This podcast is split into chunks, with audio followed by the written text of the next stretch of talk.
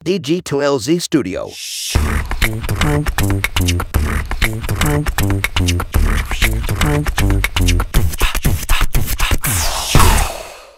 Selamat pagi, siang, sore, atau kapan pun waktu yang teman-teman pakai untuk mendengarkan podcast ini. Kembali lagi bersama saya Panji di podcast Ngobrol Bisnis.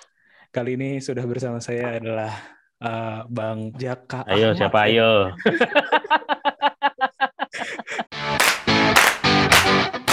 dan mensayangkan saham masyarakat. Jadi kita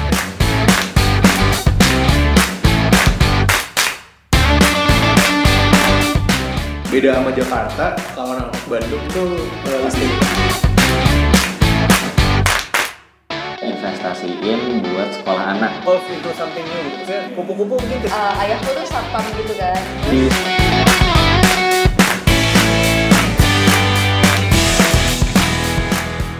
Gue ini apa namanya?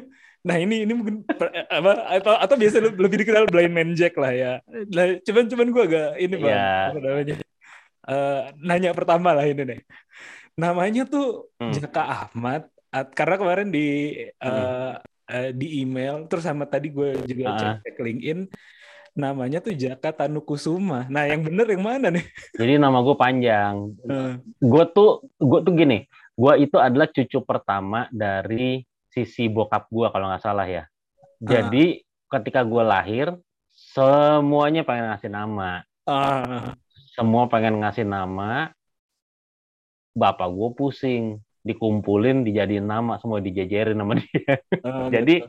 nama gue itu terdiri dari empat nama dan satu nama keluarga. Tanukusuma itu nama keluarga gue. oh Tanukusuma nama keluarga. Oke. Mm, gitu, nah. itu apa? Jadi Jaka, Anom, Ahmad, Yusuf. Oh, Berat nggak tuh nama gue? Jaka, Anom, Anom, Ahmad, Ahmad, Yusuf, Yusuf. Tanukusuma terakhir ya. Tanukusuma. Heeh. Makanya kemarin tuh Itu pas Septanas tuh gue masih nulis nama orang-orang udah sampai nomor 15 tuh. gue masih muter buletin. buletin buletin nama. Iya iya iya. Nah ini kita eh, kenal gara-gara ada project kemarin. Mm. eh, Bang Jack aku aku ng- manggilnya Bang Jack aja ya. Ya, ya, ya. ya karena kepanjangan. Dan nanti apa Hmm. makan dua detik sendiri tuh Jaka, Anom, Ahmad. apa tadi yang terakhirnya? Y- Jaka, Ahmad Yusuf, Yusuf, eh, Ahmad Yusuf, Tanukusuma. Tanukusuma. Nah, kita kenal Hmm. kemarin gara-gara aku ajak Bang Jack untuk ngisi di podcast eh, udah ada namanya sekarang, podcast Ceritability. Ceritability. Eh, kemarin tuh Thank belum you banget tuh gue diundang ke sana tuh asik banget. Eh, eh, eh, Hmm. rencana rilis minggu depan sih. Eh, kemarin baru rilis teaser-teasernya, eh, tapi apa Hmm. belum ada ininya, apa namanya belum ada pembicaranya masih kayak intronya gitu. Nanti Ya, minggu ya. depan mudah-mudahan rilis gitu. Terima kasih Oke. Bang udah datang. Eh, Terima kasih juga udah diundang dan gue itu banget ya apa namanya impress juga dengan eh, apa nama gedungnya kemarin eh, apa? Jakarta Creative Hub. Jakarta Creative Hub. Hmm. Gue gue impress banget tuh ditunjukin itu dan akhirnya gue tunjukin juga ke eh, anak-anak komik. Jadi Hmm. komik, komik apa eh, di Jakarta tuh kan ada ada ini ya ada apa namanya Komunitas. Komunitas stand- komunitas stand up komedi. Heeh. Nah, eh, kita punya kantor sih stand up Indo Heeh. di daerah Kebagusan gitu. Nah, Jakbar cuman ya. gua di Jakbar, ha. cuman gue bilang nih daerah sini ini kayaknya bisa dipakai juga kalau misalnya teman-teman mau berkegiatan gitu. Ya udah akhirnya gue gue promo-promoin tuh. Heeh, iya iya Gitu. bisa, Hmm, bisa hmm. betul betul nanti bisa saya bantuin connect juga tuh. Cuman apa ya? Eh, i- ya tapi ini jadi ini ya nyindir. Eh, apa yang lihat gedung, pemerintah itu Iya. Hmm. sore malam nggak bisa gitu. Nah itu. itu Ayolah harus- harus pemerintah, berubahlah kalian. Jangan hitung lembur terus. Sekali-kali nongkrong, habis pulang kerja tuh nongkrong. Iya, nongkrongnya nggak mau di kantor mungkin ya, Nong- tinggal nyebrang ke iya. GI itu. Maunya di GI terus sih. Iya, Ya, nah, eh, thank you sih. Eh, karena itu project-project pertama. Jadi maksudnya eh, eh, apa? Eh tahun lalu kan kita bikin pelatihan, lalu Mm. sebenarnya kita pengen amplify nih di tahun ini Mm, mm, konten yang sudah terisi di eh, website tersebut eh, dan di YouTube sekarang udah dirilis di YouTube juga eh, Hmm. sangat sayang kalau hanya dinikmati hanya peserta tahun lalu. Jadi kita cuma pengen amplify, cara amplify-nya gimana ya? Udah kehilangan momentum gitu. Ya udah kita bikin coba series podcast eh, untuk campaign sekaligus ya ngasih cerita-cerita inspiratif juga kayak gitu. Hmm. Kita obrolin lagi dengan eh, fundersnya kan dari Australia Hmm. Award kayak gitu, Australia hmm. Global Alumni. Hmm. Oh, oke tuh kayaknya eh, toh masih ada sisa budget kan kayak gitu ya udah kita Ya. jalanin gitu. Terus kepikiran siapa yang pertama Hmm. ya. Terus eh, kebetulan eh, aku dengar podcastnya eh, Abdel Ahrian. Abdel. Hmm. Sebelumnya udah tahu Blind Man Jack kayak gitu di beberapa YouTube lah kayak gitu. Cuma Hmm, coba, hmm. wah alumni Australia juga nih, jangan-jangan bisa pas nih kayak gitu maksudnya sebagai episode pertama. Hmm. Iya. Iya. Tapi ter- termasuk rajin ya apa eh, ngajuin untuk proposal apa em, small grant gitu tuh. Ah. Itu kan ya lumayan kerjaan juga gitu loh. Eh, ini sih eh, itu untuk ide-ide yang eh, belum ada duitnya ya. Jadi Ya ya ya. jadi jadi lebih sebenarnya eh, kalau ngom ini ya sedikit mundur dulu gitu sedikit ke aku cerita Hmm. dulu jadi kan eh, itu sangat mendadak sebenarnya kan itu 2020 ya kegiatan yang Hmm. didanai oleh si eh, Australia Global Alumni Hmm. itu Hmm. sebenarnya eh, pemikirannya gara-gara lagi eh, aku lagi mau bikin bisnis sebenarnya ya. Jadi Hmm. aku lagi mau bikin eh, kan lagi COVID, orang eh, nganggur di mana-mana gitu, banyak pemutusan PHK dan segala macam. Tengah Hmm. tahun 2020 itu pikiran orang bisa bisnis apa ya yang dari rumah kayak gitu. Oh, di Indonesia belum punya foto stok waktu itu, kayak foto Hmm. stok, bisnis foto stok atau audio stok lah kayak gitu. Jadi Hmm, hmm, untuk konten kreator, untuk eh, agensi-agensi kayak gitu. Nah, terus hmm. gue coba bikin gitu workshopnya, terus juga eh, ngundang kreator-kreator lah yang eh, jago fotografi dan segala macam untuk ngupload fotonya kayak gitu. Tapi kita Hmm, bikin hmm. eh, sem- semacam kayak first meet-nya gitulah untuk Hmm. kenalin platformnya nanti akan seperti ini, seperti ini, seperti ini gitu. Pas ketemu eh, sehari sebelum ada or, ada temen eh, yang daftar itu adalah disabilitas anak Jogja Eh, Tuli dia Eh, hmm, terus dia bilang dia udah minder gitu. Ini Mm-mm. saya Tuli kayaknya nggak bisa datang besok. Oh eh, aku bilang aduh sayang banget. Padahal kan dia udah ngupload fotonya ya beberapa sampel kayak gitu. Hmm. hasil fotonya. Oh ternyata oke gitu. Ah jangan deh tetap datang aja. Gue cariin eh, apa namanya Pen- Hmm. Terjemah, terjemah juru bahasa isyarat kayak gitu. Terjemah bahasa isyarat. Nah, dan itu dia baru bilang jam 5 sore kita meetingnya besok gitu. Eh, akhirnya ketemu tuh lempar di IG dan segala macam dapat orang yang bisa gitu. Eh, dari Hmm. lembaga kayak gitu. Oke kita ini deh tapi nanti hadir dia datang. Nah terus gara-gara itu oke banyak yang cerita. Nah terus sampai ke dia cerita dia cerita pengalamannya tentang masalah eh, Hmm. kerja sulit dan segala macam kayak gitu. Terus jadi kepikiran waduh padahal sayang banget nih karyanya. Bagus gitu. Nah akhirnya eh, tujuan bisnis tadinya akhirnya ke pending gara-gara kita coba bikin eh, training dulu nih untuk teman-teman disabilitas. Waktu itu fokusnya ke Tuli untuk hmm. eh, pelatihan coding eh, dan desain. Karena saya eh, banyak apa bisnisnya bergeraknya di bidang eh, IT lah dan kreatif kayak gitu jadinya. Hmm. eh, apa mudah-mudahan nanti mereka lulusannya bisa kerja di tempat aku atau tempat eh, ekosistem yang aku kenal lah teman-teman startup juga gitu Betul. yang gerak-gerak di Betul. sejenis kayak gitu kan malah jadi Hmm, situ hmm, cuman kan hmm. ini enggak ya karena saya bisnis juga eh, pragmatis juga gitu eh, nyari Hmm, sumber pendanaan juga dong kebetulan lagi ada AGS gitu kita coba apply eh ternyata jalan dan ternyata alhamdulillah bagus banget gitu teman-teman yang yang desain sih luar biasa ya kalau coding memang karena masih dasar ya yang desain tuh Ya. ngel- ngelihat ininya ya hasil karyanya bahkan ada yang daksa ya semacam eh, dia juga ada- lu waktu itu promosinya lewat mana? Eh, sebenarnya waktu itu kita eh, tadinya aku mindsetnya cuman eh, Bandung, Tasik, eh, cuman cuman sekitar Bandung lah, karena aku base-nya Bandung kan. Hmm. Eh, makanya ngajaknya Hmm, dekatin doang gitu. Tapi ketika kita Hmm. eh, rilis gitu, ternyata yang da- daftar tuh ada yang dari Jogja, ada yang dari paling jauh tuh di eh, Hmm. dari Medan ada. Terus eh, paling timur ada daerah Jawa Timur eh, apa gitu sidoarjo atau apa gitu. Jadi Mm, mm, Ah, kenapa gitu itunya cukup tinggi? Dan akhirnya aku sama aku termasuk yang eh, nyeleksi akhirnya. Kan karena ini kelas dan berbat apa terbatas budget juga ya. Jadinya kita harus seleksi nih sayang. Hmm, nggak hmm. kelas semuanya bisa masuk gitu. Jadi cuman kita Hmm. ambil berapa 50 gitu ya kalau nggak salah. Eh, aku seleksi tuh sampai yang ini aku telepon "Eh, gimana? Lo di bawah umur sebenarnya Ta- target kita 17 oh tapi dia semangat gitu dan Hmm. segala macam. Akhirnya kita coba wah lulusin juga deh lulusin juga. Dan ya ujung-ujungnya itu bahkan ada teman-teman tuh ada beberapa ya yang ngikut dua-duanya. Jadi ini kan kayak dua track ya bang ya? Mm, track coding ada track track design kayak gitu. Dia Hmm. semangat eager belajarnya gitu.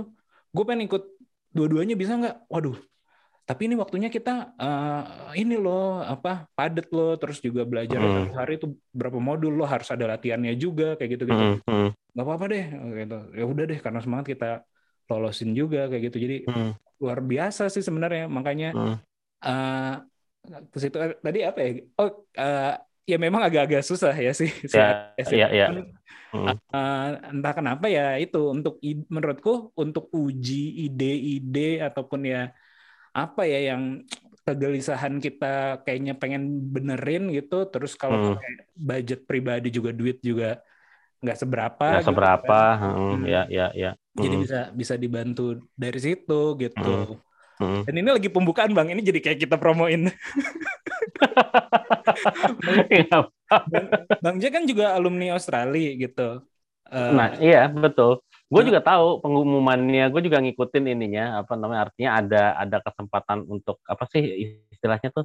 apply. eh, program ya untuk apply ininya eh, programnya gitu ya. Nah, Cuman gue tuh emang yang, aduh, gue mau bikin apa ya? So many things in my head actually Hmm. gitu. Tapi emang untuk eksekusinya tuh akhirnya tuh, aduh, gue kayaknya belum ini deh, gue belum apa namanya, eh belum bisa deh dengan dengan beberapa kegiatan gue. Karena kan gue juga kan apa namanya eh, di kantor juga ada kerjaan juga gitu kan. hmm. Jadi ya udah gue akhirnya even untuk yang hal-hal kecil yang yang apa ya, eh, yang sifatnya juga tidak ini tidak em, istilahnya bu- bukan bukan sesuatu yang sesuatu yang formal gitu ya Hmm. gue tuh nggak kepikiran gitu loh jadi Hmm. Jadi aduh bukan nggak kepikiran nggak tidak tidak bisa terumuskan dengan baik gitu akhirnya akhirnya tidak bisa dieksekusi sama gue gitu jadi bener-bener wah pengen bikin ini pengen bikin itu pengen gini pengen gitu tapi buntut-buntutnya ya cuman di kepala gue doang nggak Iya. nggak nggak tertuang dengan baik gitu Iya, gitu iya, Iya Hmm. sih. Eh, Iya kalau aku ini sih kadang-kadang ngobrol sih eh, kayak gitu Mm-mm, mm-mm. dengan ngobrol ya. Jadi Iya, iya. Mm, kepikiran something ngobrol eh kayaknya mm, ada mm, jalannya nih ya, kayak gitu Mm. kadang-kadang tuh eh, yang yang hal-hal mm. Tapi gue mau gue mau sedikit ini deh, gue mau sedikit meng-highlight cerita lu tadi ya, apa ke ke realita kehidupan lah gitu ya. Nah, Em, pada saat lo ketemu sama temen tuli, terus Hmm. lo lihat hasil kerjanya dia dulu dan akhirnya oke deh gue gue cariin penterjemah bahasa isyarat. Itu Hmm. lo tahu lo sadar nggak sih kalau nggak semua orang tuh seperti itu? Eh, kalau kalau kita ini deh kita bayangin HRD ya. Hmm, ketika misalnya dia dapat lamaran terus dapat dia tahu nih ada satu orang oh ini pakai hmm, kursi roda nih gitu.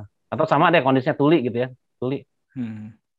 Paling yang dilakukan dia ngomong sama temennya eh ini ada yang lamar tuli. Gimana ya? Terus temennya bilang ah apa namanya eh, susah lagi orang tuli nggak bisa ngomong gini gini. Gini iya. Ya ntar malah bingung ya malah gini gini iya. Ya ya udah deh nggak Hmm. usah deh. Oh iya. do you Hmm. realize that that's what happened in the reality? And Yeah. and you- what you did is the opposite gitu loh. Nah gue sih cuman berharap kalau ada ada teman-teman HRD yang mendengarkan sekarang ini atau atau teman-teman yang memang mau bekerja sama teman-teman disabilitas ya hal kayak gini justru justru yang harusnya itu di dipertimbangkan untuk dilakukan sama teman-teman. Cari solusinya gitu loh. Jangan jangan akhirnya ada ada yang kita kita anggaplah tantangan gitu ya untuk untuk berinteraksi dengan teman-teman disabilitas gitu. Hmm. tapi jangan akhirnya lo put aside gitu. Kalau kalau kayak gitu terus kalau lo, lo kesampingan terus lo nggak akan tahu nggak akan pernah tahu kapabilitasnya dia lo nggak akan pernah tahu dia Hmm. bisa kontribusi apa sama perusahaan lo juga jangan-jangan dia sebenarnya punya kontribusi yang besar sama perusahaan lo cuma gara-gara gara-gara nggak lo rekrut ya rugi perusahaan lo jadinya gitu Iya betul betul. Eh, iya sih mungkin karena kalau kita ini ya karena sistem mm, pen- penerimaannya juga yang administratif kan. Kalau kemarin kan memang aku Mm-mm. kebetulan modelnya adalah eh campaign-nya tuh upload your uh, foto atau apa ya upload your Mm. apa ya, pokoknya suruh ngupload hasil karya foto dia lah di daerahnya. Kita punya beberapa Mm. kriteria kayak gitu. Jadi memang filter as awalnya bukan eh, bagi aku waktu itu nggak penting eh, dari mana atau Mm, eh, mm. backgroundnya atau kondisinya kayak gitu. Mm. Eh, yang penting hasilnya bagus gitu eh, dan layak kan karena waktu itu konteksnya untuk eh, stok foto ya layak jual lah dalam tanda kutip Mm. Mm. ya ini gitu. Cuman ya memang pas pas di momen itu ceritanya si eh, perempuan itu dia perempuan ya eh, Hmm.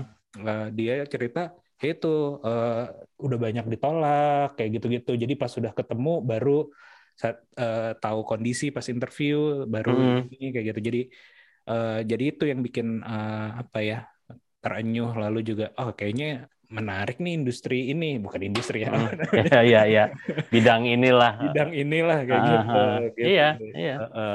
But still you have the attitude gitu loh. Y- y- in- Kuncinya kan itu. Kalau lo nggak punya sikapnya, lo nggak akan terima dia juga. Either lo taruhlah tadi kalau misalnya gue menginikan dengan HRD, mereka kan ber- berhadapannya dengan kertas gitu ya, dengan CV dan ini. Gitu lo berhadapannya kemarin dengan gambar-gambar. Tapi kalau kalau kalau orang nggak punya attitude-nya, nggak punya ininya, nggak punya sikapnya, ketika dia melihat hasil pun dia tidak akan tidak akan tergerak seperti lu gitu. Ngerti nggak lo maksud gue? Iya iya iya. Mungkin juga karena ini juga kalau dulu eh, pembantu eh, saudara saya sebelah rumah gitu memang cuman kita nggak ngeh ya. Maksudnya saya tuh memang nggak sadar nggak sadar sampai gede tahu Hmm. dia tuh gagu dia tuh tuli kayak gitu Tuli, ah, ah. si kalau ibu saya ngobrol ngomongnya pakai bahasa Jawa ya dan dia ngebales dengan bahasa gagunya dia Mm-mm. ibu saya sih ngerti-ngerti aja kayak gitu karena udah akrab apa ya udah Karena sudah terbiasa. Terbiasa gitu. Tet- Mm-mm. Tapi dan saya dari kecil maksudnya kadang-kadang dimomong juga sama dia, tapi juga nggak nggak apa ya nggak melihat dia sebagai gagu gitu sih kayak Iya, mm. ya udah aja orang kayak gitu. aja gitu Uh, jadi uh, uh, jadi nggak ngeh juga mungkin gitu. Mm. Nah ini cukup ya tentang sorry, sorry, sorry. Gue jadi mendominasi gue. Nah ini bang, tadi kan kita udah ngomongin kalau Oke. nama ya Tanu Kusuma, uh, Heeh. terus nama lengkapnya adalah Jaka Ahmad uh, Anom Yusuf Tanu Kusuma. Heeh, tuh kan terbalik-balik kan dia kan biarin aja udah. Nah, Blind Man Jack-nya. Al- ini ngambilnya Hmm. dari uh, Every Man Jack. Merek Nah, itu parfum atau merek parfum. Aduh, gue tuh dulu eh, ada dua hal sebenarnya yang yang akhirnya membuat gue ngambil nama Blind Man Jack ini ya. Jadi gini, awalnya gue nonton Batman Begins. hmm, Jadi salah satu hobi gue itu kan gue suka nonton juga meskipun gue nggak ngeliat gitu ya, tapi gue suka Hmm. nonton. Hmm. Nah, eh, dulu gue masih masih masih sama mantan gue dulu.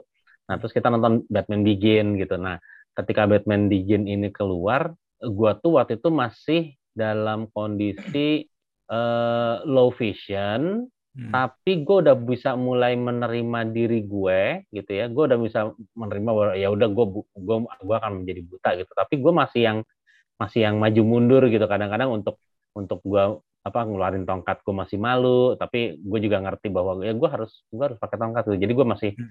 masih inilah antara antara eh, ini mau buta apa kagak nih gitu gitu nah Ini ini Terus gua frame-nya kapan nonton nih? lah. Kapan nih bang? Time frame-nya? Batman 2000 Begins yang tahun mana nih? 2000-an Oh, Oke. Batman Begins tahun 2000 yang yang Christopher Nolan Oh berarti Gitu. 2008 ya? Nah. 2008 sekitar 2008. Enggak, du- 2008 itu yang udah Dark Knight. Oh iya. Ini yang iya. Begin. Nah, 2000. yang Begin tuh kalau nggak salah 2000 Enam ya? apa ya? 2003, Aduh. 2004. Nah, Hmm, hmm, Oke. Kayaknya 2003 2004 lah gitu ya. Oke, oke. Nanti nanti kita googling lah. Nah, gitu. Nah, nah di situ jadi eh, Bruce Wayne itu dia kan jatuh ke gua kelelawar itu dan dia jadi takut sama kelelawar, dia jadi fobia gitu kan. Hmm. Nah, terus dia dia mendapatkan pelajaran dari si Ras Al Ghul itu bahwa you have to share your fear gitu loh. Hmm. Nah, ketakutannya dia adalah kelelawar. Nah, makanya si Bruce Wayne itu jadi Batman supaya orang juga takut dengan kelelawar dengan si Batman ini gitu. Hmm. Gue berpikir, gue kan takut jadi buta ya, Hmm. karena being a blind person it's not a it's not an easy thing to do. Tapi waktu itu gue juga Hmm. takut. Nah, terus entah kenapa gue jadi terinspirasi untuk kayaknya gue harus share keadaan gue deh ke orang-orang gitu ya, Hmm. Eh, supaya orang ngerti apa yang gue alamin gitu loh. Jadi eh, waktu itu gue masih rabun, gue gue jadi gue jadi rajin cerita kok. Gue belajar untuk cerita sama orang Hmm. itu bahwa ini loh kondisi gue kayak gini, kayak gini, gini, gini. Meskipun capek gitu ya, karena karena eh, being being rabun dan being buta itu eh, lebih susah rabun sebenarnya. Karena karena orang nggak nggak langsung percaya. Kalau lo buta, ini kayak sekarang gitu kan. Orang misalnya nonton nonton gue terus nggak pakai kacamata hitam dia dibilang buta. Oh ya udah berarti emang dia buta gitu. Tapi kalau misalnya misalnya gue rabun, orang tidak akan melihat gue sebagai enggak dia kayaknya matanya nggak kenapa-napa deh. Masa nggak bisa ngeliat sih? Masa ini sih? Masa itu? Akhirnya banyak pertanyaan gitu. Hmm. nah itu yang akhirnya gue latih waktu itu untuk ya udah gue ngomong sama mereka. Gue jelasin ke mereka pelan-pelan gitu bahwa gue rabun gue nggak bisa ngeliat gue ini segala macam gitu. Nah itu yang gue artikan dengan share my fear itu gitu loh. Hmm. Nah, terus fast forward eh, tahun 2007, gue tuh kerja di Banda, eh, eh sorry 2006 gue kerja di Aceh gitu. Nah, terus eh, apa namanya? Ini gue, sorry,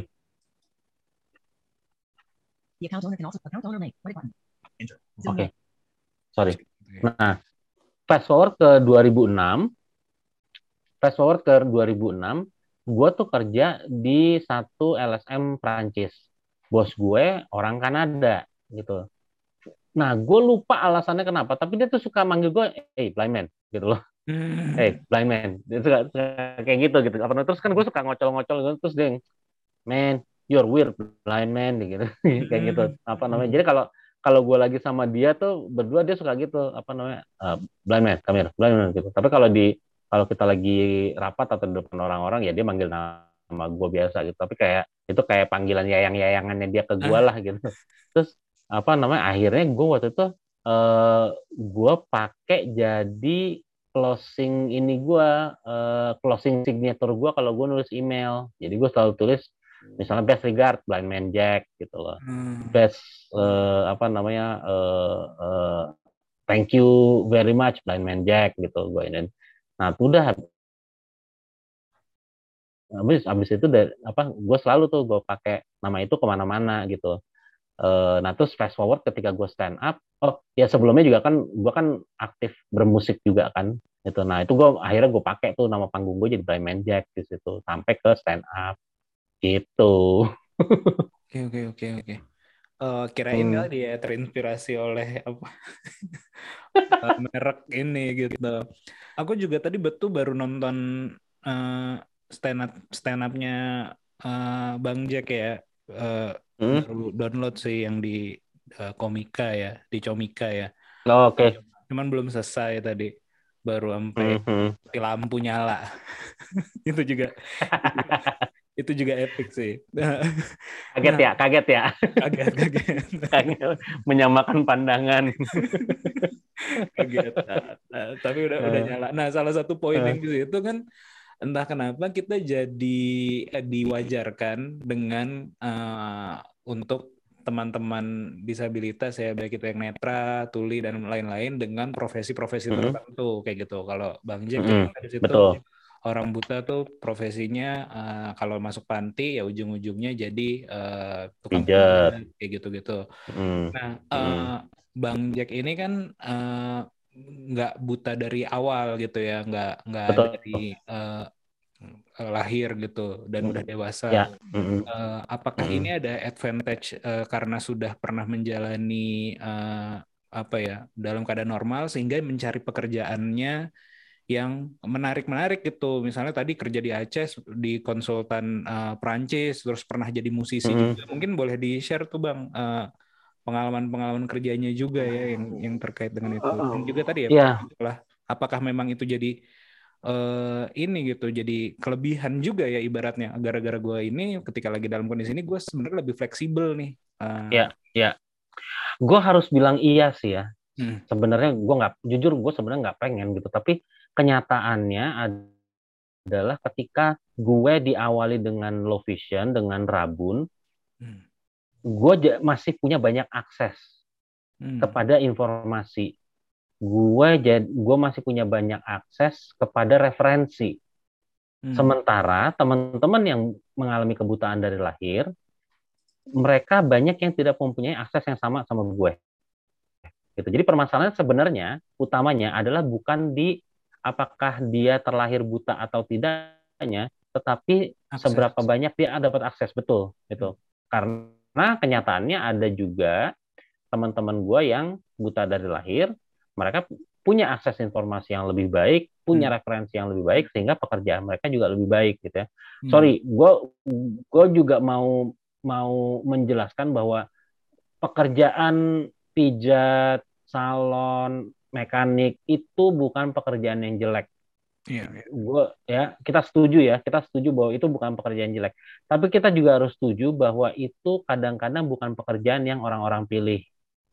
Hmm. Artinya yang terjadi sama teman-teman eh, disabilitas kita nggak bisa milih dan akhirnya harus melakukan pekerjaan-pekerjaan itu ya akhirnya kita lakukan secara apa secara profesional karena nggak ada pilihan juga gitu nah eh, dalam konteks gue gue mungkin punya banyak pilihan pertama gue selesai kuliah gitu kan Eh, gue sel- pendidikan gue sam- bisa sampai kuliah. Sementara teman-teman yang lain mungkin ada yang cuma sampai SD ada yang cuma sampai SMP gitu kan.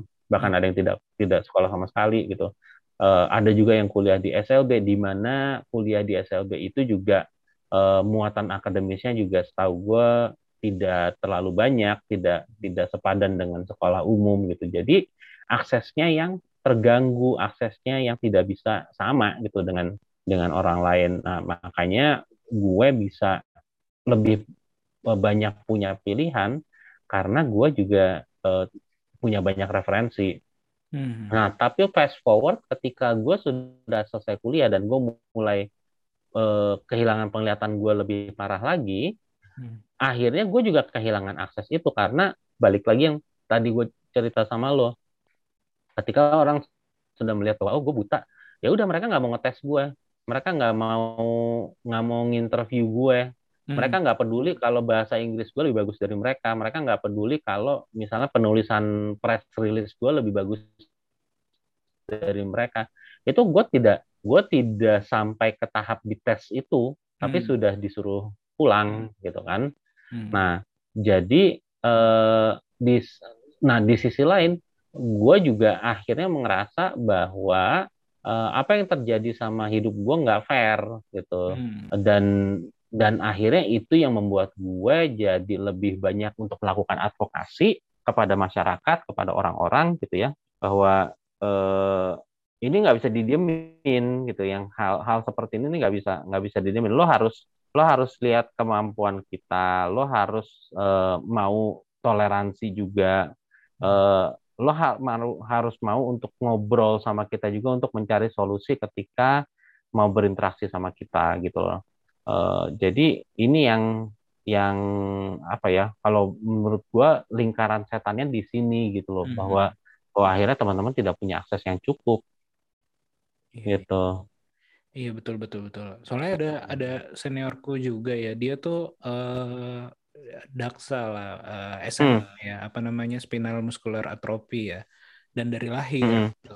Hmm, Eh, tapi secara intelektualitas dan juga pekerjaan mapan banget gitu. Eh, ya ya Dia Mm-mm. tuh eh, dua kali S2 di Inggris apa ya kalau nggak salah gitu. Hmm, hmm, Terus juga eh, kerja di perusahaan yang bonafit juga, terus resign dengan pilihan dia sendiri dan akhirnya buka bisnis kayak gitu. Itu juga eh, sangat independen dan memang Hmm. sih eh, salah satu advantage-nya ya, atau privilege lah kalau ini ya karena hmm, eh, salah satu ininya pasti karena lahir di keluarga yang lumayan lah jadinya hmm, dari kecil eh, udah ada terapinya Terus juga Iya, tadi iya. akses pengetahuannya tidak terbatas karena tidak bisa jalan dan segala macam, tapi jadi ngendep aja di rumah, tapi tetap Mm-mm. dilatih dan dipaksa keluar juga gitu. Jadi eh, di Mm-mm. masuk SLB, tapi kayak beneran di sekolah eh, apa ya, sekolah dasar dan seterusnya gitu, eh, yang umum. gitu. Mm-mm.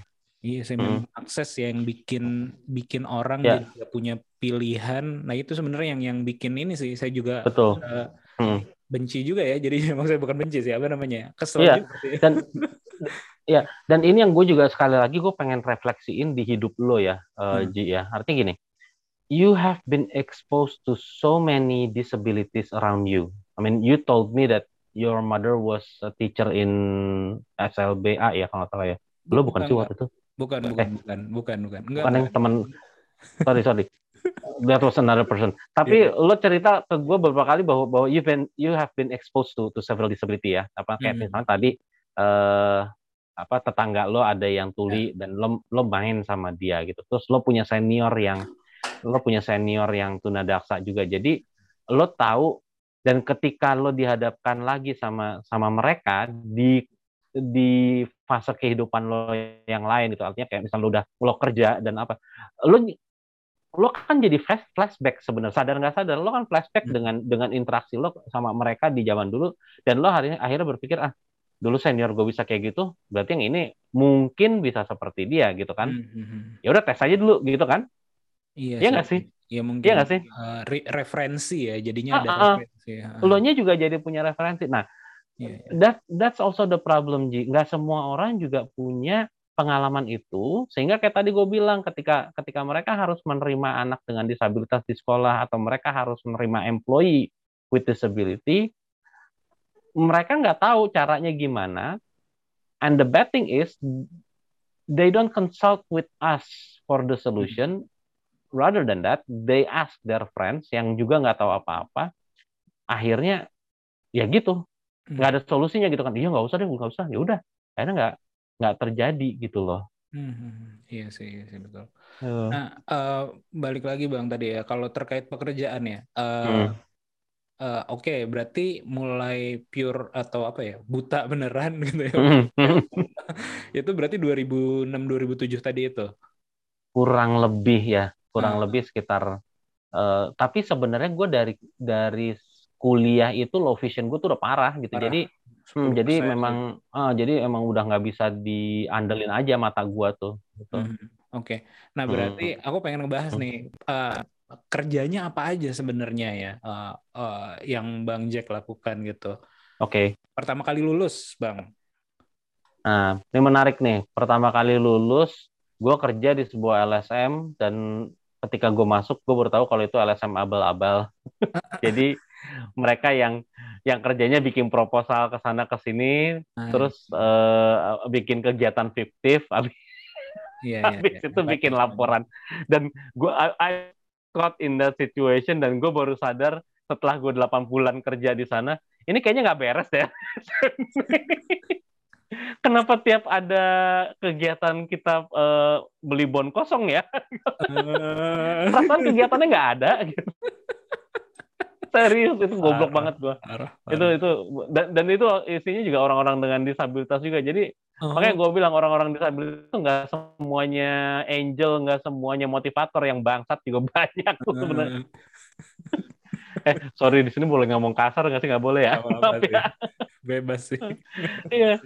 Artinya we're just human being ya, yang jahat juga ada, yang Iya, baik juga ada, yang nakal juga ada gitu. Iya. Nah, akhirnya karena gue udah sadar apa namanya, gue gue ngerasa ini kerjaan kerjaan aneh deh. Hmm. Gue resign. Nah, terus gue bekerja sebagai marketing asuransi.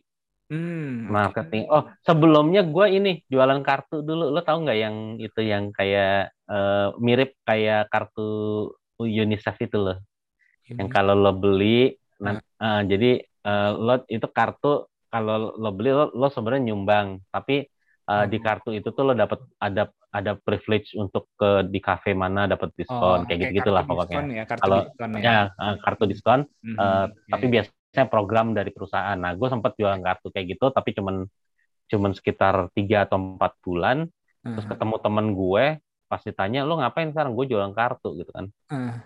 terus eh, dan gue jualan kartunya bagus gitu artinya penjualan gue cukup cukup bagus gitu Hmm. Eh, karena waktu itu eh, apa eh, gue nggak ada kerjaan lain ya udah gue kerjain aja gitu. terus eh, gue cerita apa temen gue nanya sehari lo jual berapa ya gue bisa jual di atas 10 gitu kan wah udah lo ikut gue aja deh jualan apaan jualan asuransi katanya Oh, gitu kan oke. nah jadilah gue kerja di marketing asuransi Oke. Nah, marketing asuransi itu juga gue tuh sudah sudah tidak bisa membaca. Eh gue kalau ya, padahal kan asuransi kan berhadapannya dengan tabel ya, Iya. Polisnya dengan kayak tabel polis dan segala macam. Cuma gue nggak bisa baca. Akhirnya gue nyari cara gitu kan gimana dan gue, tuh harus presentasi gitu kan. Iya.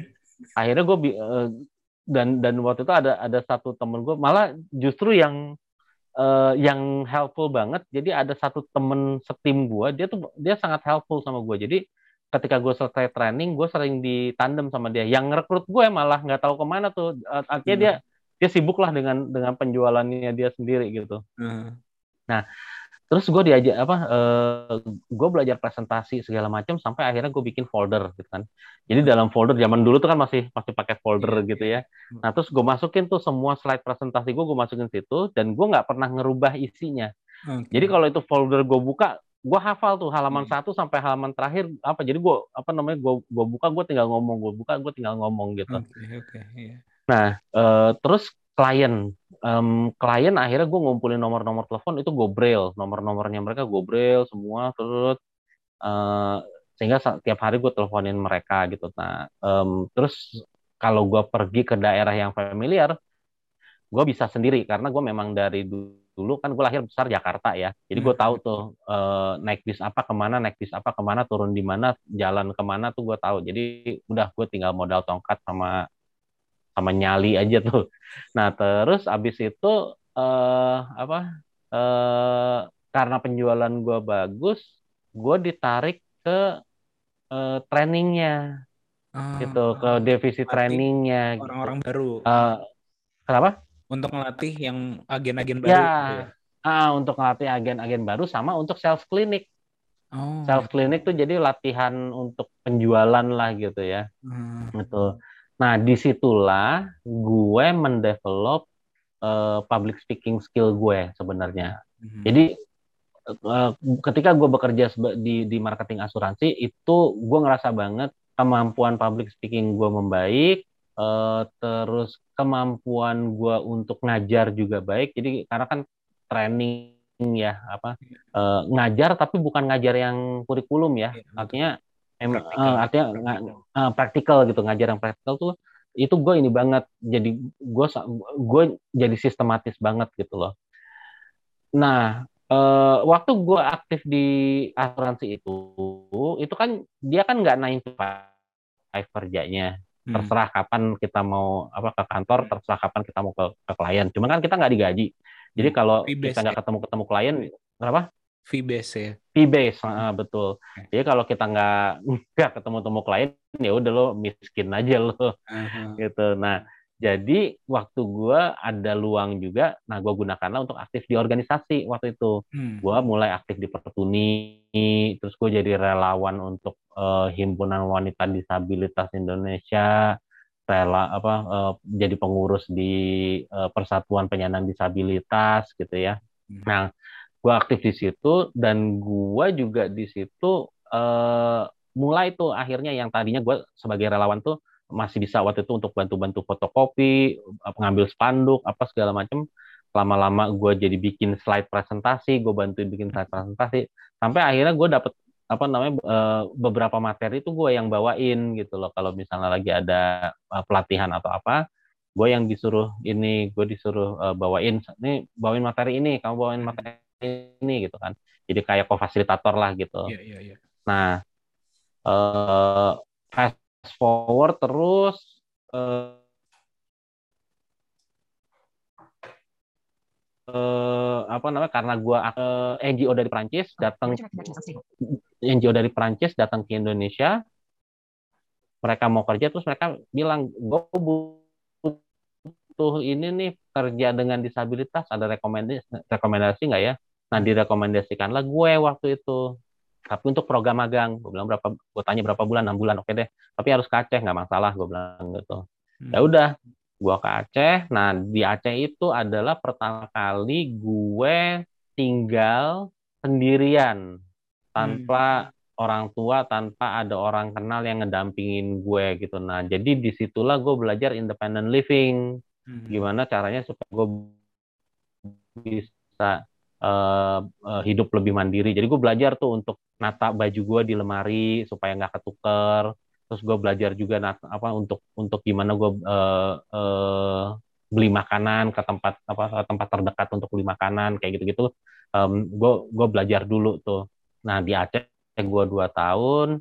eh, waktu itu tugas gue adalah kita membuat information and resource center untuk disabilitas. Jadi karena waktu itu tsunami ya Aceh, Iya, iya. tsunami em, banyak orang yang nyari nyari data dan nyari eh, informasi tentang disabilitas. Nah, center gue waktu itu memberikan eh, informasi-informasi itu. Gue koordinatornya.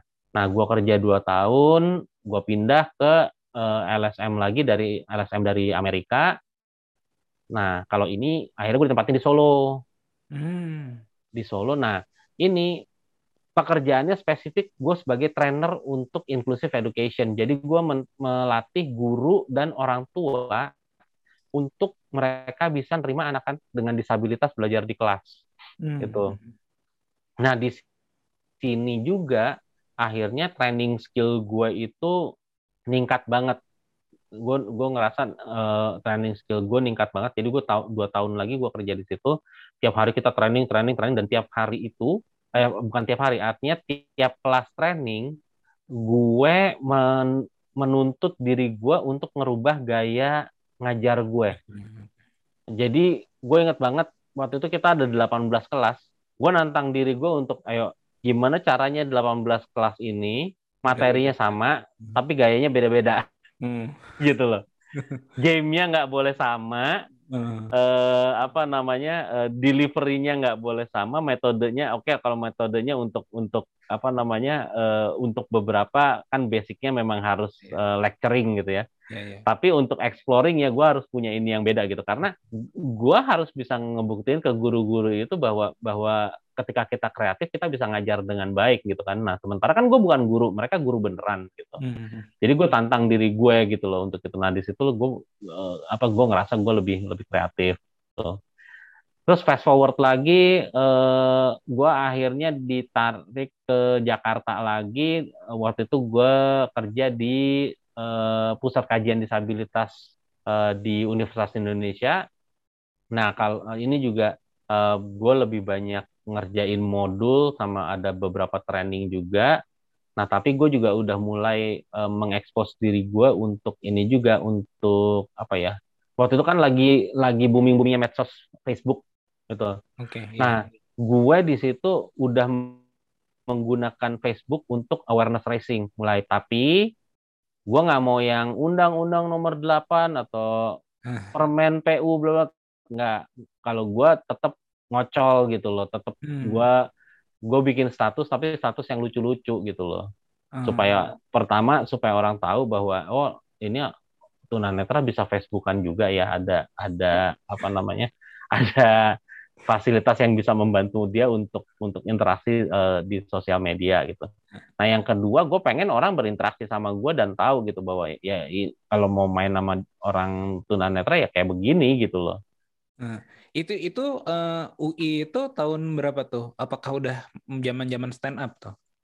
UI sebelum stand up, UI itu Oh, gue dari 2009 sampai 2013. Nah, du- eh, 2011 itu stand up kan mulai booming tuh, Hmm. Mulai booming. Nah, itu gue gua udah gua udah mulai melirik stand up komedi. Tapi waktu itu gue udah keterima ADS. 2011 itu gue udah keterima ADS. Hah. Eh, PDT-nya itu eh, 2012 Hmm. gitu. Jadi gue mikir, aduh ini kalau gue stand up pasti gue nyabang-nyabang nih. Sementara gue tuh nggak terlalu pinter untuk eh apa ya? Gue tuh bukan bukan tipe hardcore multitasking gitu loh. Artinya kalau kalaupun multitasking ya dua tiga pekerjaan aja lah gitu. Tapi kalau kalau yang apa nah kalau yang satu ini gua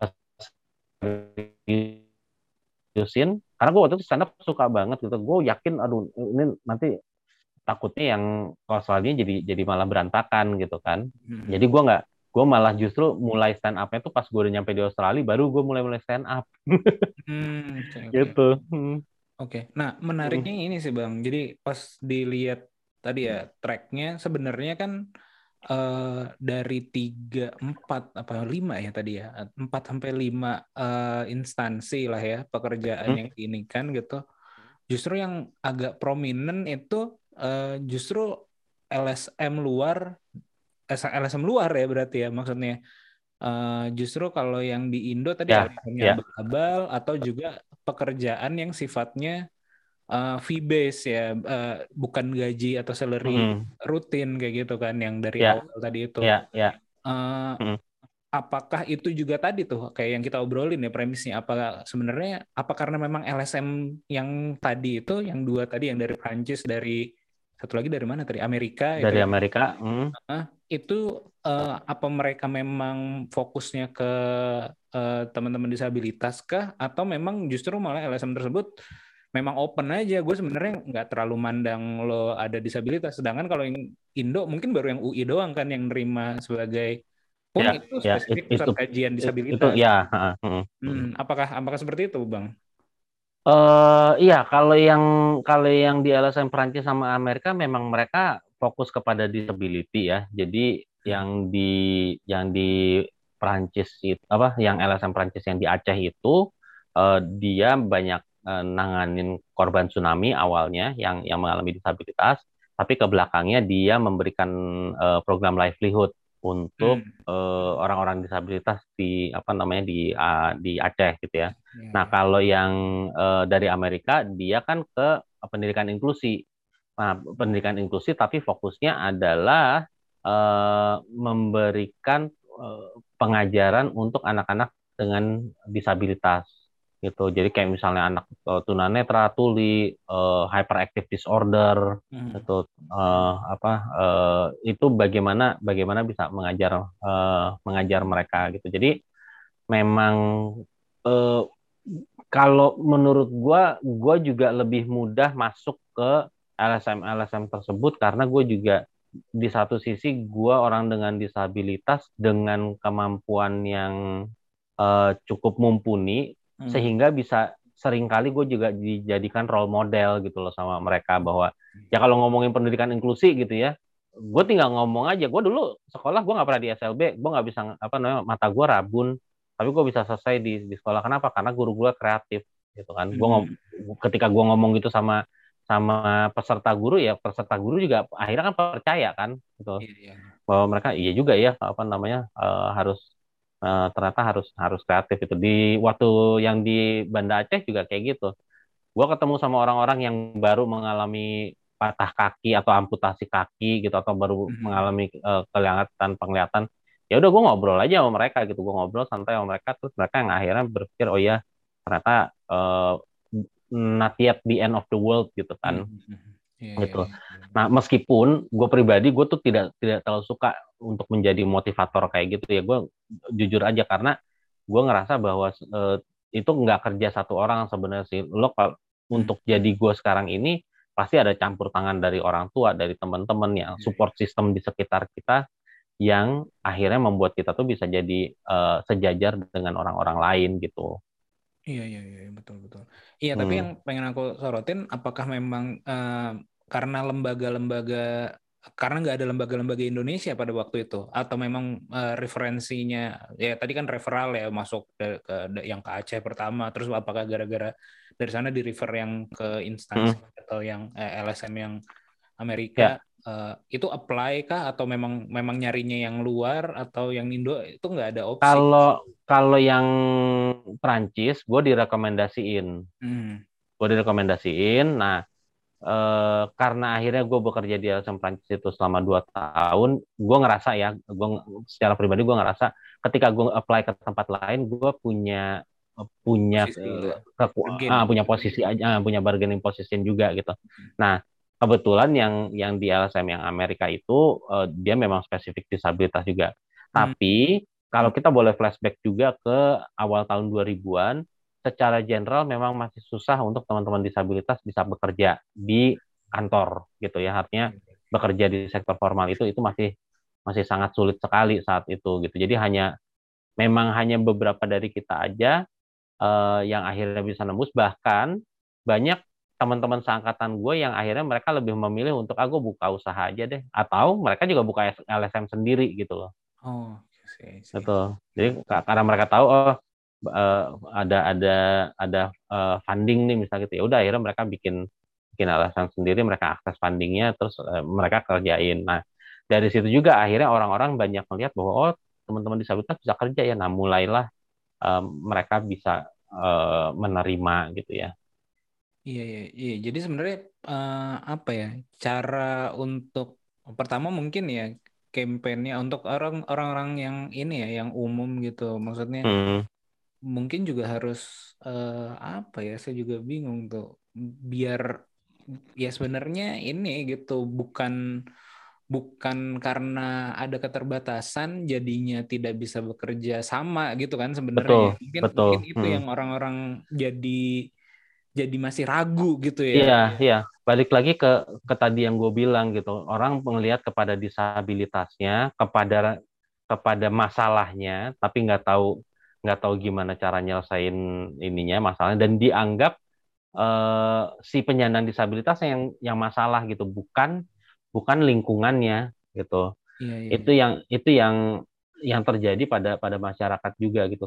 Kayak sekarang gini, gue bisa bekerja tapi gue tetap nggak bisa ngelihat kan Hmm, iya, gitu Ko- kondisinya kan itu kan berarti kan bukan gue masalahnya kan iya, iya, iya, betul. masalahnya mungkin ada di sikap orangnya masalahnya mungkin ada di orang yang bikin tangga terlalu banyak masalahnya mungkin adalah metro mini yang susah disuruh berhenti gitu kan. Ah, tapi ketika itu semua dihilangkan mobilitas kita jadi lebih baik iya, iya, iya. Berarti, iya, berarti akses lagi ya ujung-ujungnya. Akses Baik itu lagi, akses betul. informasi kalau tadi betul banget sampai posisi sekarang dan juga kalau untuk mobilitas akses eh, infrastruktur gitu ya. Iya, iya.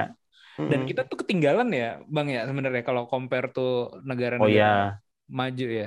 ya ya kalau Pengalaman misalnya kita di, di Flinders gimana? Eh, di sana secara kota Adelaide kan juga Mhm. kota bukan dengan transportasi publik yang oke kan sebenarnya.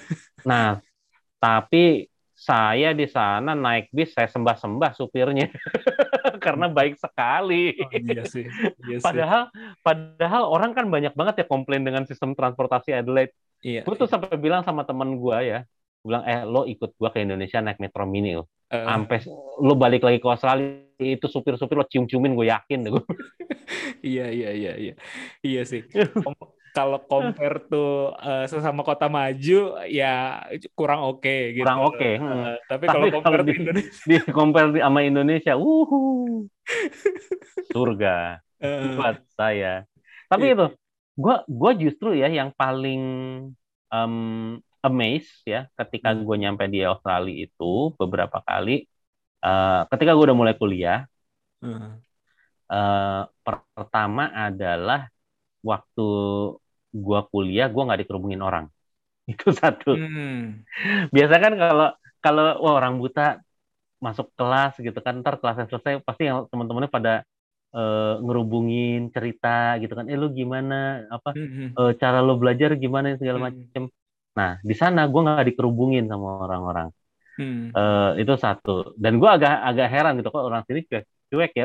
Sementara gue udah terbiasa dengan yang tiba-tiba orang datang, eh eh, lo gimana sih caranya gini-gini kayak gitu-gitu kan? Terus nanti jadi apa di ditanggap eh coba coba coba gimana gimana? Eh kirim WhatsApp kirim WhatsApp gitu kan. Kan sering tuh kayak gitu tuh kalau ini kan. Di sana tuh enggak gitu ya. Iya, iya, itu iya. satu. Nah yang kedua gue beberapa kali eh pas gue keluar gue kan selalu bawa tongkat kan. Pas gue keluar eh ya orang tuh ngelewatin ngelewatin gue aja gitu. Tapi eh, apa namanya em, terus paling cuman ada yang beberapa yang eh, lo mau ke mana gue mau ke kelas yang ini oh gue juga mau sana mau apa namanya mau bareng sama gue misalnya gitu ya dia ini. Oke, terus dia bilang gini, here's my arm, dia bilang gitu. Hmm. Nah, itu tuh selalu hampir selalu terjadi seperti itu kalau misalnya gue sama sama orang-orang di di Australia. Terus akhirnya gue tanya gitu, lo kok kayaknya fasih banget sih nuntun orang buta? Hmm. Nah, kebanyakan dari mereka itu pernah punya teman dengan disabilitas, Hmm. apa pun disabilitasnya, Hmm. di sekolah.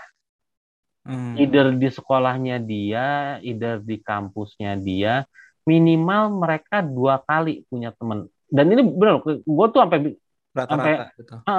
gue bilang apa gue bikin survei ya berapa kali kah karena punya teman dengan disabilitas di sekolah karena mereka selalu bilang oh ya gue pernah sekali punya teman buta waktu apa namanya waktu di SD sama waktu SMA ada teman gue yang pakai kursi roda gitu Hmm. atau enggak ya gue waktu SMP ada teman gue yang tuli terus waktu uh, kuliah uh, ada teman gue yang buta gitu jadi Hmm. mereka selalu terekspos dengan Hmm. dengan orang-orang disabilitas karena sistem sekolah di Australia SLB apa namanya tidak SLB itu hanya untuk yang memang eh, membutuhkan perhatian intensif dengan kondisi-kondisi tertentu jadi mungkin autis yang sudah berat gitu ya itu kalau kalaupun tunanetra mungkin tunanetra yang yang MDVI yang multidisabilitas gitu ya nah itu baru di masuk di eh, SLB. eh, baru disekolahkan di SLB tapi sisanya yang jadi yang tuli yang pakai kursi roda yang nggak ada kakinya masuk sekolah biasa Hmm, hmm, hmm. gitu nah makanya mereka jadi sangat-sangat ya. terbiasa eh, Iya, iya, gitu iya, iya. Gitu. Iya dan gue gue juga diceritain sama temen gue gitu jadi hampir setiap orang yang apa namanya yang papasan sama gue atau nyusul gue gitu mereka tuh cuma kayak nengok ke gue doang sebentar tuh sudah jalan lagi gitu Hmm. jadi kayak yang cuman biasa "Oh, udah nggak apa-apa ya. Ah, Hmm. jadi bukan yang kalau di kita kan diliatin, diliatin diban- dibantuin kagak gitu. Tapi dilihat kalaupun dibantuin kadang-kadang suka lebay gitu kan. Tapi kalau mereka cuma yang make sure, oh udah bisa kok, ya udah jalan gitu. Eh, iya ya, ngecek eh, dia butuh bantuan apa enggak. Mm-mm, ya, yang mm-mm. pertama ya. Kalau Gitu, memang butuh akan dibantu, kalau Ya. enggak nggak dibiasain aja gitu ya. Iya heeh. iya iya, betul. itu jadi gue juga apa namanya eh, dan sekarang di Indonesia terutama di Jakarta ya beberapa untuk beberapa area sudah mulai seperti Hmm. itu artinya orang eh, datang untuk menawarkan bantuan itu udah udah mulai banyak satpam juga udah mulai ramah kalau di Hmm. mall-mall atau di hotel dulu gue kalau gue datang ke mall begitu ketemu satpamnya satpamnya nanya mau ngapain macul gue bilang Iya sih. Kenapa Gitu. ya? Heeh. Jadi memang dulu tuh sesuatu yang aneh untuk orang ke mall atau ke apa orang dengan disabilitas ya ke mall. Kalau sekarang tuh kayaknya orang udah mulai mulai terbiasa gitu. Meskipun masih jadi ba- bahan tontonan tapi karena itu juga karena kitanya yang nekat gitu loh. Udah keluarlah keluar kita nongkrong lah gitu. Heeh, gue sama iya. teman-teman gue suka gitu karena apa namanya kalau misalnya ini ketemuan ya di mana yuk? Di Starbucks gitu. Atau di janji jiwa atau di mana gitu tujuannya sebenarnya bukan ya satu emang kita refreshing juga gitu tapi yang kedua adalah untuk menunjukkan juga bahwa we're just like you gitu Iya, kita iya. juga we need public space we need recreational things we need Iya, iya. to be around gitu kan Iya, iya. gitu Iya, jangankan jangankan yang apa ya eh, buta gitu. Dulu di kelas saya tuh ada di kampus gitu ya, ada yang buta warna. Hmm. Dan itu udah kita eh, benar tadi setelah kelas beres atau apa. Karena kan kalau Hah? saya tuh jurusannya eh, teknik fisika, jadi nggak masalah buta warna ininya. Nggak nggak wajib kayak elektro gitu yang oke oke har- nggak boleh buta warna gitu. Jadi Hmm. ada yang buta warna eh, udah beres wah lu buta warna ini tebak lu pakai baju apa kayak gitu jadi, jadi buat buat buat tebak-tebakan gitu dan itu iya eh. eh, hijau oh salah Dan- jadi kadang-kadang bener juga kita salah-salahin jadi lucu aduh Iya kadang-kadang Eh. itu kalau misalnya dalam konteks pertemanan masih nggak Eh, apa-apa. ya. Kadang-kadang iya, iya. orang baru kenal loh suka kayak gitu. Oh. Kan nyebelin kan.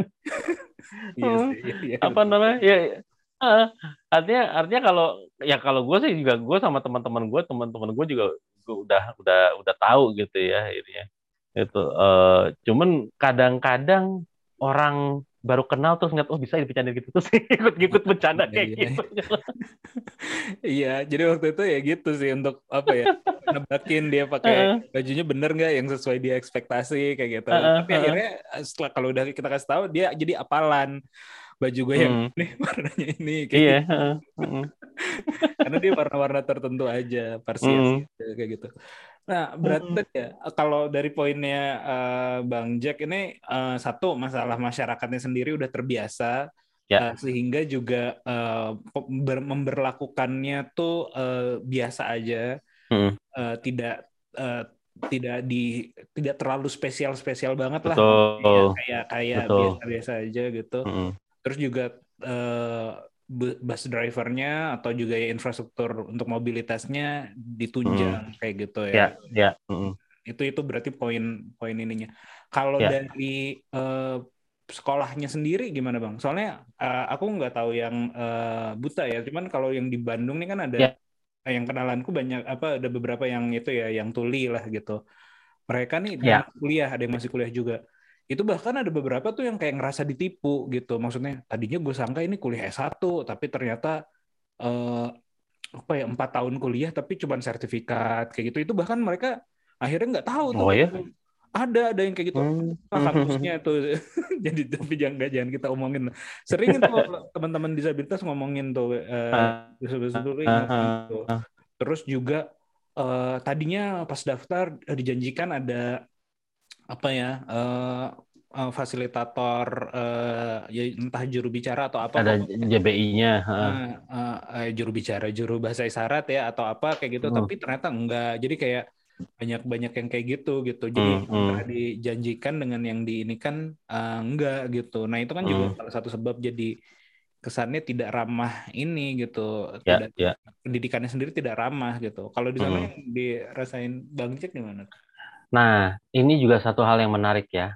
Di Indonesia beberapa kampus sudah menerima eh, mahasiswa dengan disabilitas Hmm. eh, secara terbuka. Ada juga beberapa yang masih menolak. Oke. Hmm. Nah, untuk menolak masih ada, menolak masih ada. Dan teman-teman akhirnya banyak yang nggak jujur juga akhirnya disembunyiin lah gitu dia disabilitasnya Hmm. karena dia merasa ah gue mampu nih misalnya gue mau ngambil komunikasi gitu ya Hmm. Tapi gue buta. Nah di fakultasnya ternyata belum ada nih yang ngambil komunikasi gitu.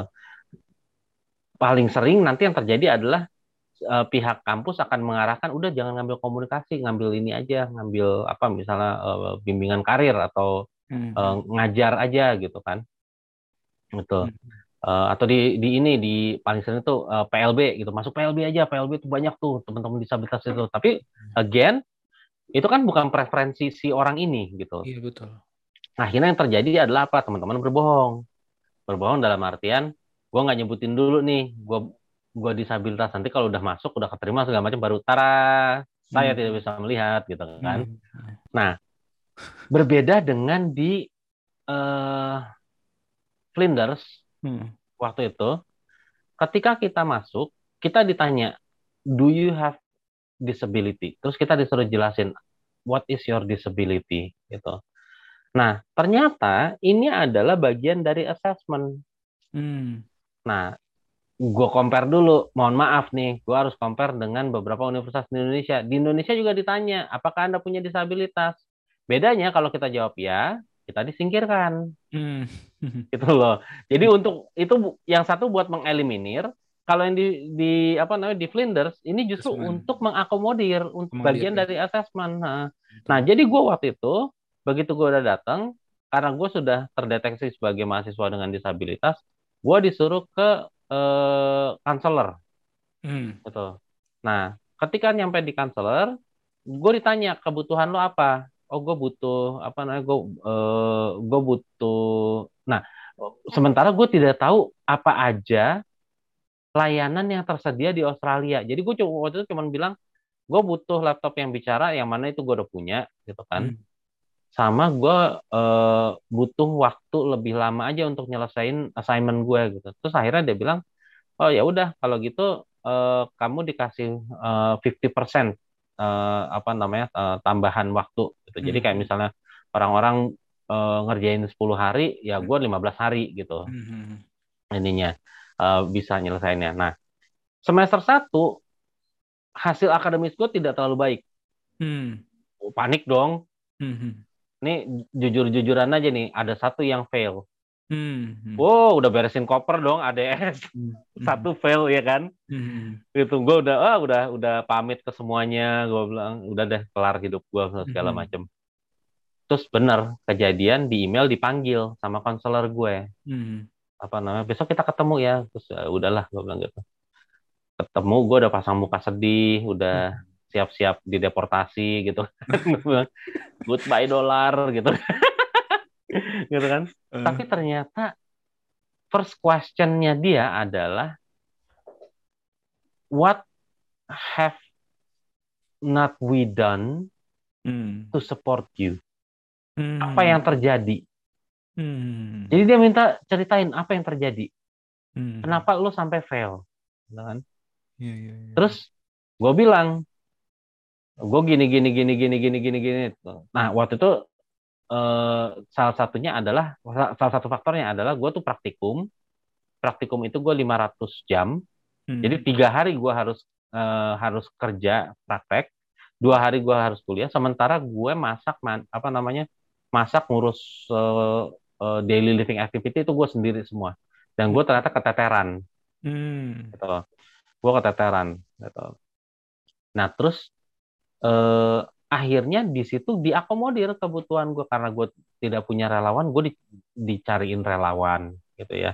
Hmm. Jadi gue untuk untuk baca-baca buku itu gue gue dibantu sama relawan. Jadi gue kalau kalau eh, apa kalau baca buku gue minta tolong sama relawan gue untuk skim aja. Ini misalnya skim dari eh, halaman ini eh, tolong cari yang mengenai ini misalnya gitu kan. Nanti dia lihat daftar isinya, terus dia baca-baca dulu. Ah ini nih Jack kayaknya kayaknya ini terus baru nanti dia akan bacakan ke gue gitu ya. Hmm. Atau dia eh, nanti yang memberikan highlight di soft file di soft copy kan Hmm. karena kan udah banyak ebook kan di sana Iya, kan. Jadi nanti dia tuh yang ngasih highlight, highlight, highlight, highlight. Gue nanti tinggal klik, klik, klik, klik. Kok lompat, udah lompat-lompat. Jadi nggak, gue nggak, nggak nggak Hmm. semua bacanya. And it's more efficient gitu ya. Hmm. Eh, terus library juga, li- library kan di sana udah, udah eh, like 80%, 85% itu udah digital semua gitu. Jadi gue sangat, sangat kebantu banget. Nah, cuman balik lagi yang gue amazed adalah Iya. eh, proses assessmentnya sih gue yang yang nggak nyangka banget bahwa oh ini buat justru buat ngidentifikasi apa kebutuhan gue kalau gue bilang di Indonesia kita udah ngumpet-ngumpet nih. Iya, iya, iya. iya. itu Iya, bapak kelihatan nggak yang depan situ? Oh kelihatan kelihatan. Iya, padahal udah ngapalin dari awal.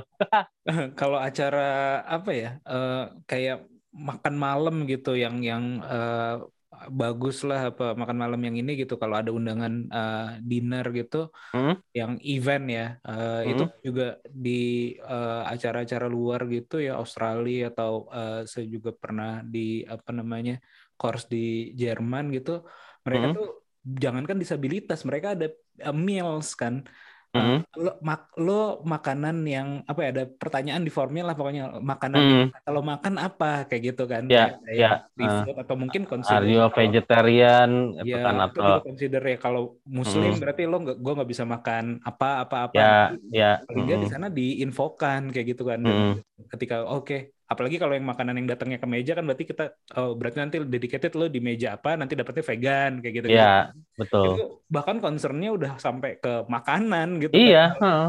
Mhm. bukan cuma sekedar yang disabilitas iya Hmm. sih benar-benar kita kayaknya dalam konteks itu masih cukup eh, ketinggalan ya Betul, tadi benar betul. bukan jadi assessment dan apalagi pertanyaannya sih tadi tuh ini banget ya apa apa yang bisa kita ap- apa, apa yang belum kita lakukan Lakukan. untuk mensupport support lu? gokil sih itu. Itu gokil banget. Gue kalau gue sampai bengong loh. Again gue bilang gitu. Apa artinya gue nggak gue sangat tidak expect gitu bahwa yang pertama ini adalah mereka justru introspeksi ke diri. dirinya mereka dulu. Eh, gitu. Nih nih udah diiniin belum nih? Udah udah tercapai belum kebutuhannya dia nih? Terus ketika ketika apa namanya eh, semua sudah mereka pastiin bahwa oh udah all, all service needed dan ini Hmm. eh, apa namanya tapi gue masih fail baru ditanya kenapa lu Hmm. ada masalah apa atau ada ini apa gitu kan gitu Hmm. jadi Iya. jadi itu yang apa namanya yang yang membuat gue tuh ya berbalik banget gitu karena balik lagi kalau di Indonesia kita harus ngumpet-ngumpet supaya kita tidak disisihkan gitu tapi di Hmm. sana malah Malah- fasilitasi. ya masa malah difasilitasi gitu Lalu balik dari Flinders udah udah jadi komik tuh ya ibaratnya. Udah jadi udah. Komik. Nah, udah karena waktu di Adelaide kan sempat buka show-nya Panji kan? Uh, dia ada show di uh, Adelaide. dia ada show di Adelaide gue jadi pembukanya. Nah mulai dari situ tuh udah tuh gue setiap ada kegiatan mahasiswa ya stand up ya stand up gitu kan.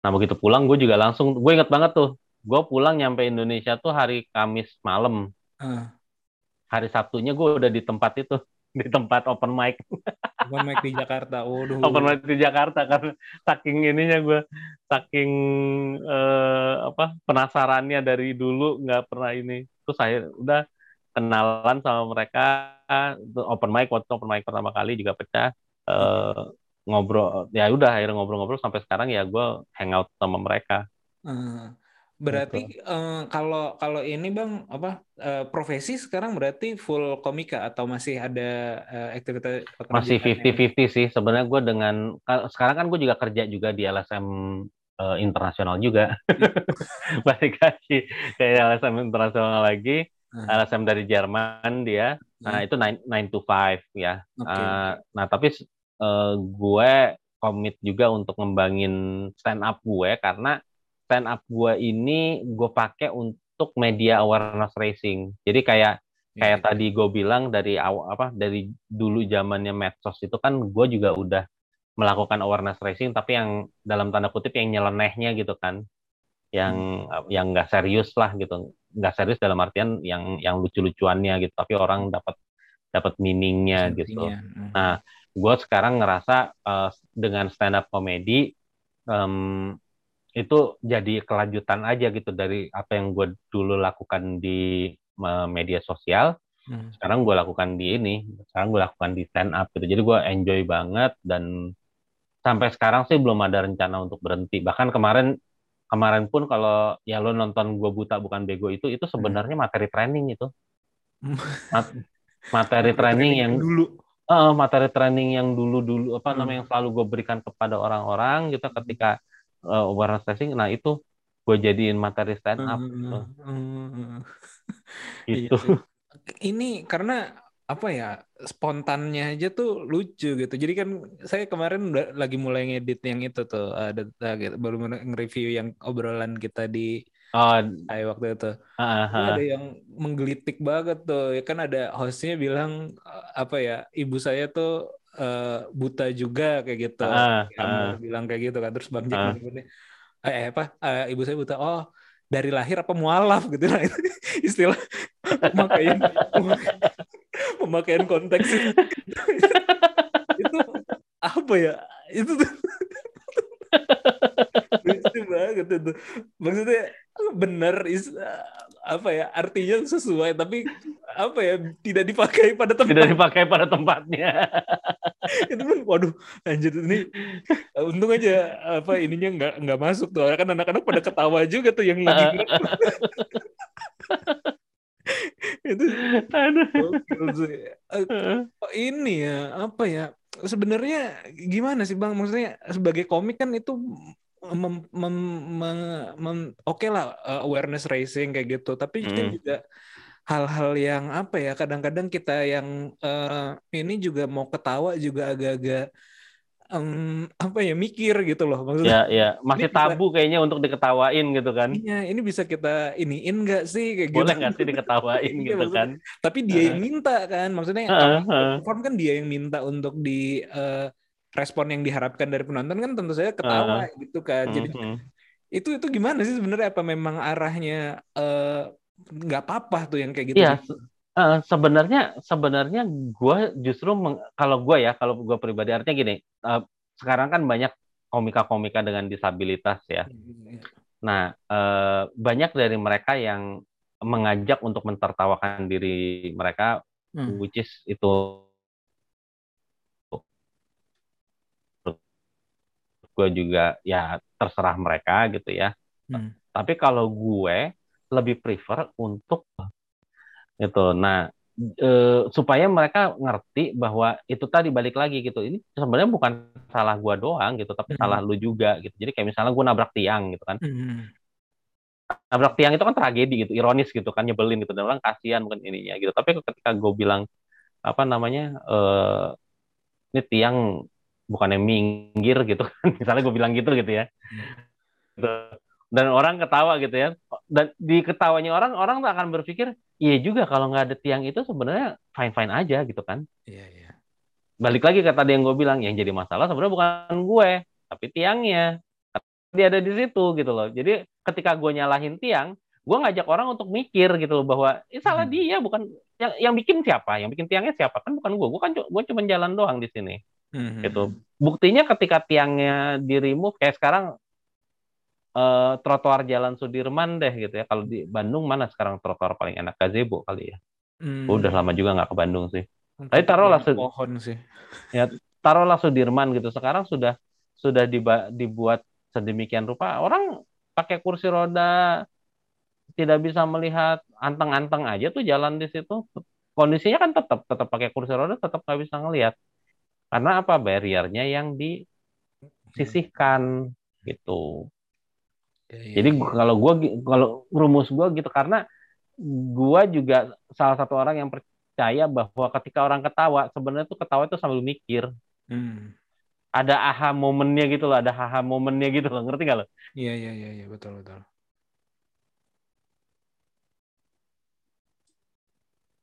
Kalau lo ketawa tuh, ya juga ya. Itu yang gua yang sebenarnya gue gunakan gitu. Iya, iya. Eh, oke deh Bang, kita udah cukup panjang nih berarti. berarti sekarang fokusnya adalah tadi ya eh, di Hmm. LSM yang eh, le- lembaga lagi-lagi internasional ya dari Jerman kali ini. Berarti udah berapa negara tuh? Eh, kuliah di Australia, LSM udah di Prancis, LSM udah di Amerika, LSM sekarang di Jerman. Eh, dan juga eh, komik ya, komika ya. Komik apa Hmm. komika sih sebenarnya? Komika kalau kalau dalam bahasa Indonesia komika, tapi kalau Komika. dalam bahasa Inggris komik sebenarnya. Ya ya ya. Saya tuh kalau komik tuh kalau luar suka sih ada beberapa kayak di Amerika gitu yang lagi-lagi yang memang isunya yang kayak black eh, komik Mm, mm, mm. Menarik gitu. Yang di Indonesia juga kayak Ari Kriting tuh saya suka Ya. gitu. Panji juga saya pernah nonton Ya, ya. yang acaranya di Jakarta sama di Jogja saya pernah nonton Hmm. juga kayak gitu. Jadi memang menarik sih ininya ya apa perspektifnya Hmm, lah hmm. Ya. ada ada ada muatannya gitu. Nah, dan Bang Jack Ya. berarti di dua itu ya berarti ya sekarang ya sebagai eh, Ya. trainer Hmm. atau ini juga tadi di LSM dan juga Ya. sebagai komik. Eh, ke depannya ada yang pengen di ini nggak Bang dicapai lagi nggak? Gue em, sebenarnya gue tuh lagi ngebangun channel YouTube gue ya untuk bisa membuat itu menjadi satu media edutainment kalau gue bilangnya. Jadi gue bikin talk show di situ, Hmm. gue bikin eh, audit aksesibilitas di situ, gue juga nanti apa stand up gue gue masukin di situ dan gue berharap em, ya it's not it's not about eh sebenarnya gue tuh tidak pernah mengejar ke ketenaran atau atau ke uangnya gitu ya. Artinya ya udah itu itu sih jadi satu bonus yang bisa kita ambil. Tapi sebenarnya yang gue harapkan dari ketika orang banyak subscribe ke channel gue atau nonton stand up gue itu dari unsur edukasinya Hmm. eh, bisa nyebar ke lebih banyak orang gitu loh. Jadi gue berharap satu saat channel YouTube gue tuh bisa bisa besar, bisa diapresiasi oleh orang-orang, dan gue bisa lebih em, explore aja untuk menunjukkan sisi-sisi yang selama ini nggak pernah dilihat sama orang-orang bahwa orang dengan disabilitas tuh bisa melakukan apa namanya eh, bisa berkontribusi seperti itu gitu loh. Jadi gue tidak tidak hanya menunjukkan bahwa balik lagi orang dengan disabilitas itu ya bukan superhero, mereka bukan bukan individu-individu yang dianggap luar biasa eh, dan lain sebagainya, tapi ada support system di belakangnya mereka yang bisa membuat mereka sampai sekarang ini. Nah, eh, support system ini yang gue pengen expose juga di channel gue supaya orang-orang tahu gitu bahwa bahwa orang dengan disabilitas tuh eh, ya sama dengan orang-orang lain, kita makhluk sosial yang yang butuh support dari dari sekeliling kita. Itu sih mungkin kalau dari gue ya. Oke oke. Iya dan jangan ini juga ya apa eh, apa lagi ada eh, digital downloadnya juga ya di Komika ya. Ya. Di Comika, comika.id. Komika.id Lah, Saya ba- baru download. promosiin alhamdulillah. Baru download. baru download tadi. Eh, saya juga download ini pidato Presiden Awe karena saya Oh, suka Awe. Oh, itu lucu banget. dia Itu juga lucu tuh. banget. Sumpah itu lucu banget. Nonton deh, nonton deh itu lucu banget. sekalian dua deh kayak gitu. Hmm. Tapi baru nonton yang uh, Blind Man Jack baru Heeh, setengah lah, baru habis heeh, heeh. lampu nyala. Gokil sih.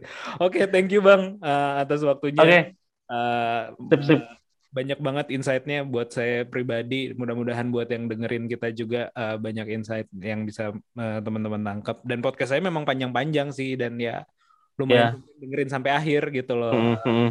60% 70% lah dan ngulang-ngulang lagi mereka kayak gitu. Ya, oke. Oke. Ya, eh, terima kasih juga yang udah dengerin sampai akhir. Eh, semoga obrolan kami ada manfaatnya. Sampai ketemu di podcast Ngobrol Bisnis episode selanjutnya. Bye. Bye-bye.